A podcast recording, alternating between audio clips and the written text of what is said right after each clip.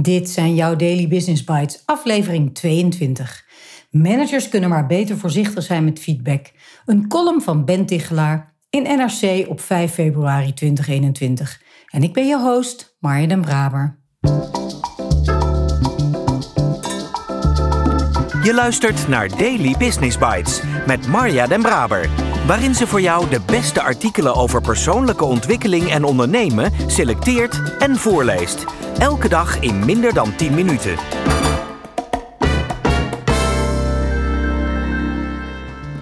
Dit is de podcast waar je kunt luisteren naar artikelen van experts op het gebied van ondernemen en persoonlijke ontwikkeling. Elke dag van het jaar in 10 minuten of minder. Uit de bijna oneindige stroom blogs en artikelen die geschreven worden, pik ik de meest interessante er voor jou uit. Let's start. Het is een belangrijk dogma onder managers. Feedback is waardevol.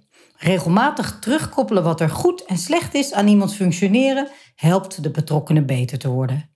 Maar klopt dat wel? En hoe geef je feedback wanneer iedereen thuis werkt? Allereerst de vraag: is feedback echt zo belangrijk? Daarover zijn de meningen sterk verdeeld. In sommige succesvolle bedrijven, zoals Netflix, heerst de overtuiging dat stevige, openhartige kritiek mensen beter maakt. Maar in Harvard Business Review maakte onderzoeker Marcus Buckingham onlangs juist gehakt van dit idee.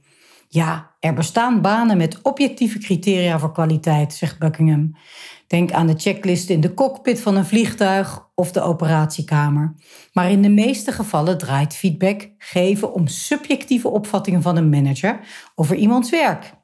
Een manager die gelooft dat zijn criteria voor goed werk de juiste zijn, dat hij kan waarnemen en overbrengen hoe iemand daarop scoort en dat dit de ander helpt. Volgens Buckingham ontbreekt het bewijs voor deze overtuigingen. Zo laat psychologisch onderzoek zien dat het bijna onmogelijk is anderen te beoordelen zonder dat je blik wordt vertroebeld door onbewuste vooroordelen en andere denkfouten. Daarnaast is er ruim bewijs dat kritiek bij de ontvanger vooral leidt tot defensieve reacties en zojuist het leren ondermijnt. De tussenstand. Als manager kun je maar beter voorzichtig zijn met feedback, vooral met negatieve. En in deze thuiswerktijd, waarin het moeilijk is om collega's in actie te zien en veel mensen onder grote druk staan, is dat extra waar. Maar goed, wat kun je dan wel doen om iemand in deze tijd te helpen om beter te worden in zijn werk? De eerste mogelijkheid: vraag medewerkers zichzelf te beoordelen. Tijdens het werk of achteraf door het bekijken van de resultaten of een video van zichzelf in actie. Soms kan dat aan de hand van een checklist. Een mooie aanpak is het met collega's verzamelen van allerlei voorbeelden van goed werk. Daarmee doe je ook recht aan het feit dat kwaliteit doorgaans een subjectief begrip is. Het voordeel van het meten van jezelf aan de hand van zelfgekozen criteria is dat sociaal ongemak ontbreekt. Een tweede klassieke leertheoretische benadering is het accentueren van het positieve. Richt de schijnwerker, schijnwerper op iemands beste werk en zeg meer van dat. Wanneer je opmerkt dat een collega goede resultaten boekt, organiseer dan een kort gesprekje en vraag hoe zij dit heeft aangepakt. Vraag naar specifiek gedrag en prijs dat. Het gaat daarbij niet alleen om een leuk gesprek, maar vooral ook om het leerproces dat je stimuleert. Ook hierbij geef je iemand ruimte om op zijn eigen manier effectief te zijn en houd je het contact positief. De vraag die managers bijna altijd stellen in het na het bespreken van deze twee aanpakken is: wat nu als een medewerker wanprestaties levert en, zelf niet, en dat zelf niet doorheeft? Tja, dan grijp je natuurlijk in. Maar realiseer je dat je dit alleen doet om erger te voorkomen. Verwacht niet dat je collega door jouw ingreep opeens op magische wijze begrijpt hoe hij zijn werk voortaan wel moet doen. Daarvoor moet je bij de methodes hierboven zijn. Daily Business Bites met Marja Den Braber. Je luisterde naar Managers kunnen maar beter voorzichtig zijn met feedback. Een column van Ben Tichelaar. Stevige, openhartige kritiek.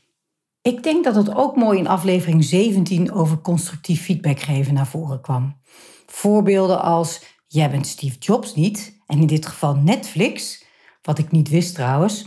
die aanhanger zijn van een stevige kritiek of feedback. Het is mogelijk, maar een absolute voorwaarde is een hoge mate van psychologische veiligheid in het team en een hoge mate van volwassenheid van het team.